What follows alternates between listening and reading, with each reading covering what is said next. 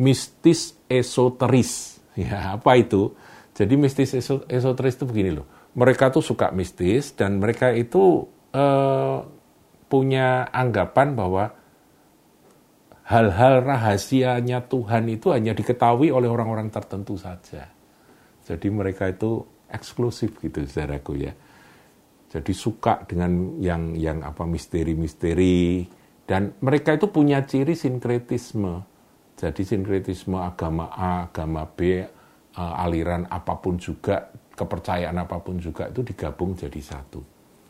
Jadi kita juga harus hati-hati saudaraku bahwa uh, gnostik itu ternyata sampai sekarang pun ada ya orang Kristen tapi juga masih percaya pada uh, apa itu sinkretisme dan mereka merasa bahwa hanya orang-orang tertentu saja yang beroleh hikmat yang tinggi itu, hikmat yang apa istimewa itu. Itulah namanya mistis esoteris.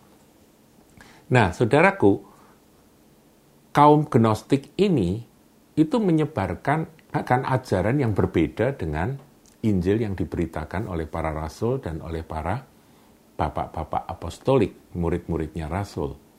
Nah, sehingga pada waktu Yohanes yang dikasihi, murid Tuhan yang umurnya paling panjang, karena dia satu-satunya murid Tuhan Yesus yang tidak menjadi martir.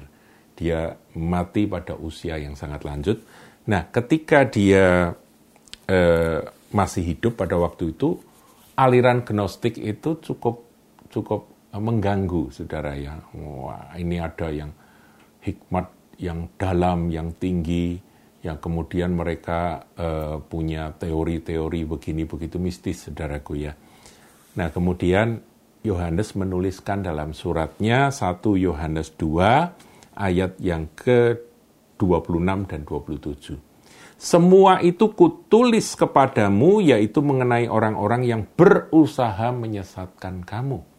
Jadi pada waktu itu kaum gnostik itu sudah uh, giat aktif untuk berusaha menyesatkan akan murid-murid Tuhan, akan umat Tuhan. Ayat 27, nah ini yang menjadi pegangan kita.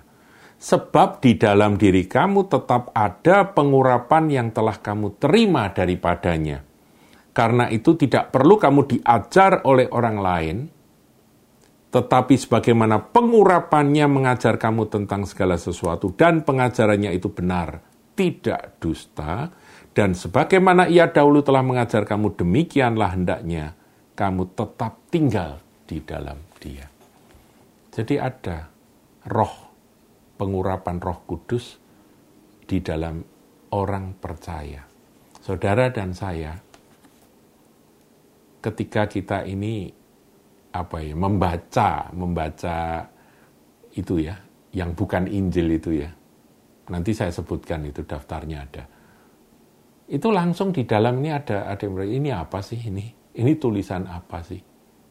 Nggak ada nggak ada kebenaran sama sekali di situ meskipun kelihatannya bahasanya berbelit-belit dan sepertinya uh, apa mengandung rahasia-rahasia nggak ada apa-apanya saudaraku beda ketika kita membaca Alkitab yang benar meskipun sederhana bahasanya tetapi ada kehidupan yang mengalir kalau itu nggak ada kehidupan yang ada ini, ini apa sih?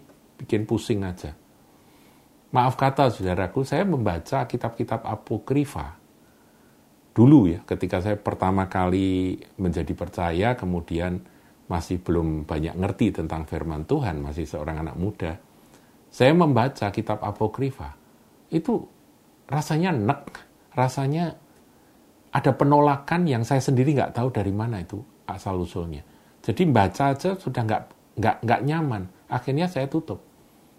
Dan ketika saya share pada hamba Tuhan, hamba Tuhan berkata, ya itulah pengurapan yang ada di dalam kamu yang mencegah kamu untuk menerima akan masukan-masukan yang menyesatkan. Jadi saudaraku, kita berdoa minta roh kudus menjaga kita dari Injil-Injil yang sebetulnya bukan Injil atau Injil palsu itu.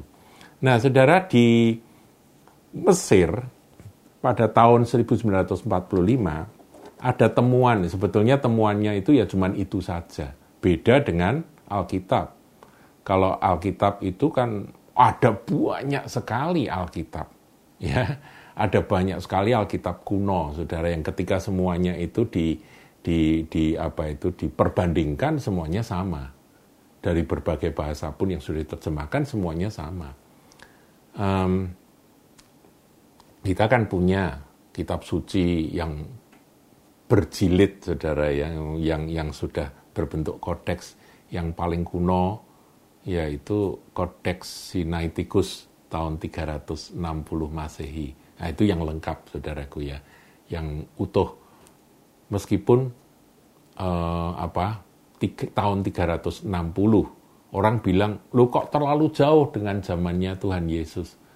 Nah, kita telusur mundur, ternyata yang tidak berjilid ada banyak sekali. Ada 5.000 lebih, 5.400 lebih. Potongan-potongan papirus-papirus, Injil dan surat-surat para rasul, itu ada semua dan itu kalau dikumpulkan itu hampir lengkap, saudara. Dan ketika diperbandingkan dengan Kodeks Sinaiticus, Kodeks Vatikanus, apa Kodeks Alexandria dan sebagainya, itu isinya sama. Jadi kita tahu bahwa Roh Kuduslah yang memelihara akan kitab suci yang benar ini. Nah, saudaraku, uh, Nag itu adalah suatu lokasi di Mesir. Itu di tempat itu ditemukan tahun 45 eh, tulisan-tulisan kuno yang berasal dari abad kedua dan ketiga diperkirakan itu namanya ya macam-macam saudaraku. Sebab ada cukup banyak ya. Ada 13 kodeks papirus yang ditemukan yang yang apa eh, menjadi eh, pada waktu itu dagangan barang antik gitu saudaraku ya. Nah, kemudian ini dikumpulkan uh, di Museum Koptik di Mesir. Ada Injil Yudas, Injil Filipus, Injil Thomas, Injil Maria, Injil Mesir, Injil kebenaran dan sebagainya. Nah, ini saudaraku, uh, tulisan-tulisan ini itu semuanya ketika diteliti ternyata semuanya itu bernuansa gnostik. Ya, kita harus pahami ini, saudara. Jadi ini tulisan dari orang-orang gnostik yang sudah dikatakan oleh Rasul Paulus itu bukan Injil. Yang ditulis mereka itu bukan Injil. Dan maaf kata, Paulus berkata terkutuklah mereka. Nah ini sekarang dimunculkan lagi oleh para penentang iman Kristen. Ya, mereka me, apa, memunculkan kembali akan Injil yang bukan Injil itu, saudaraku, Injil palsu yang bukan Injil itu. Dan saya kok ngeri, berarti mereka ini orang-orang yang memunculkan dan dan memasukkan ini adalah orang-orang yang terkutuk. Jadi seluruh apa yang mereka sebut Injil Injil tersebut ya, Yudas, Filipus, Thomas, Maria, Mesir, kebenaran dan sebagainya itu, itu tidak ada yang sesuai dengan Injil yang kita punya ini, perjanjian baru ini. Nggak ada, saudaraku, yang serupa dengan ini. Tapi justru itu jadikan dagangan oleh Dan Brown yang mengangkat dari dari Injil-Injil yang gnostik itu dan memasukkannya dalam novel yang cukup laris, ya Dan Brown cukup dapat duit banyak melalui novel yang yang ngaco itu saudaraku ya. Ya, yaitu novel fiksi yang namanya Da Vinci Code itu. Nah, saudaraku, ya saya khawatir Dan Brown pun juga terkutuk ini ya. ya kan? Karena dikatakan terkutuklah dia. Saudara, um, kita perlu memahami semuanya ini. Apalagi zaman sekarang, saudara.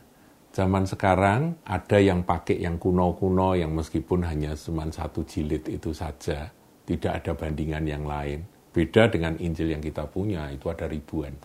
Tapi ini cuma satu itu saja, tapi diangkat-angkat. Padahal itu gnostik, itu palsu. Dan sebetulnya yang yang menyimpan itu juga gereja, malah orang Kristen sendiri, tapi mereka justru ngeributi itu dan mengangkat seakan-akan itulah Injil yang benar. Saudaraku, kita harus memahami akan situasinya bahwa di akhir zaman ini orang memakai segala cara untuk berusaha menyesatkan. Makanya Tuhan Yesus berkata kalau ada anak-anak yang disesatkan maka si penyesat itu ada lebih baik lehernya itu diikat dengan rantai kemudian diikatkan pada batu kilangan dan dicemplungkan dalam laut. Sampai sebegitunya, meskipun penyesatan itu memang akan terjadi. Nah, saudara, karena zaman sekarang zaman modern, orang juga bisa membuat kitab suci mereka sendiri.